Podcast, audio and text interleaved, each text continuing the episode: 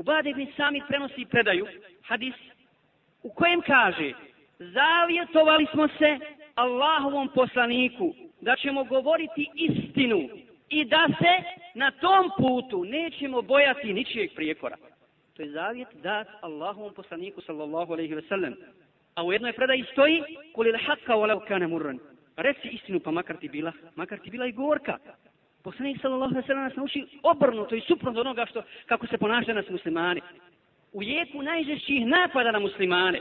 Poslanik sallallahu alejhi ve sellem kaže jadne kurejšije, mušici, kurejšije, jadne kurejšije, ratovi ih strpiše, ubiše ih, istrijediše ih. Što ne puste mene, Jarape? Pa ako oni prime islam, bit će im dobro svima. A ako ne prime, ako me ubiju, pa onda će ispuniti svoj cilj. Zar misle da ću ja napustiti ovu svoju misiju? Tako mi Allaha neću napustiti ono osme me Allah zadužio. Da se borim za Allahu u istinu, da se borim za promicanje Islama, dok me ne ubiju, dakle dok mi smrt ne dođe, ili dok ova istina ne pobjedi. To je princip jednog muslimana. Ashab na vješalima, na vješalima smrt ga čeka, ali kaže, kad ga pitaju, bili volio da je poslanik na tvom mjestu, tako mi Allah ne bi volio da poslanika trnu bode, a da sam ja sa svojom porodicom u svojoj kući. Omer Muhtar nije bio ashab, nije davno živio.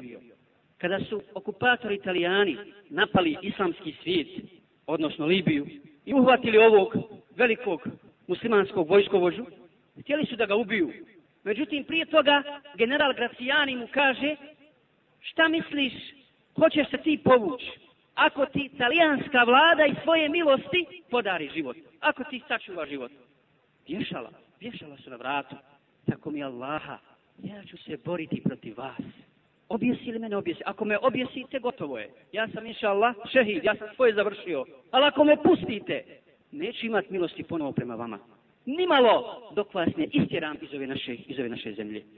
To je ponos i to je hrabrost jednog muslimana. Halid ibn Velid, koji je umro na svojoj postelji, a vodio je toliko bitaka, imao je toliko bitaka i toliko je bio izranjavan da na njegovom tijelu nije bilo mjesta, nije bilo rane. Kaže na svojoj smrti poznati riječi, borio sam se i želio sam šehadet na Allahovom putu.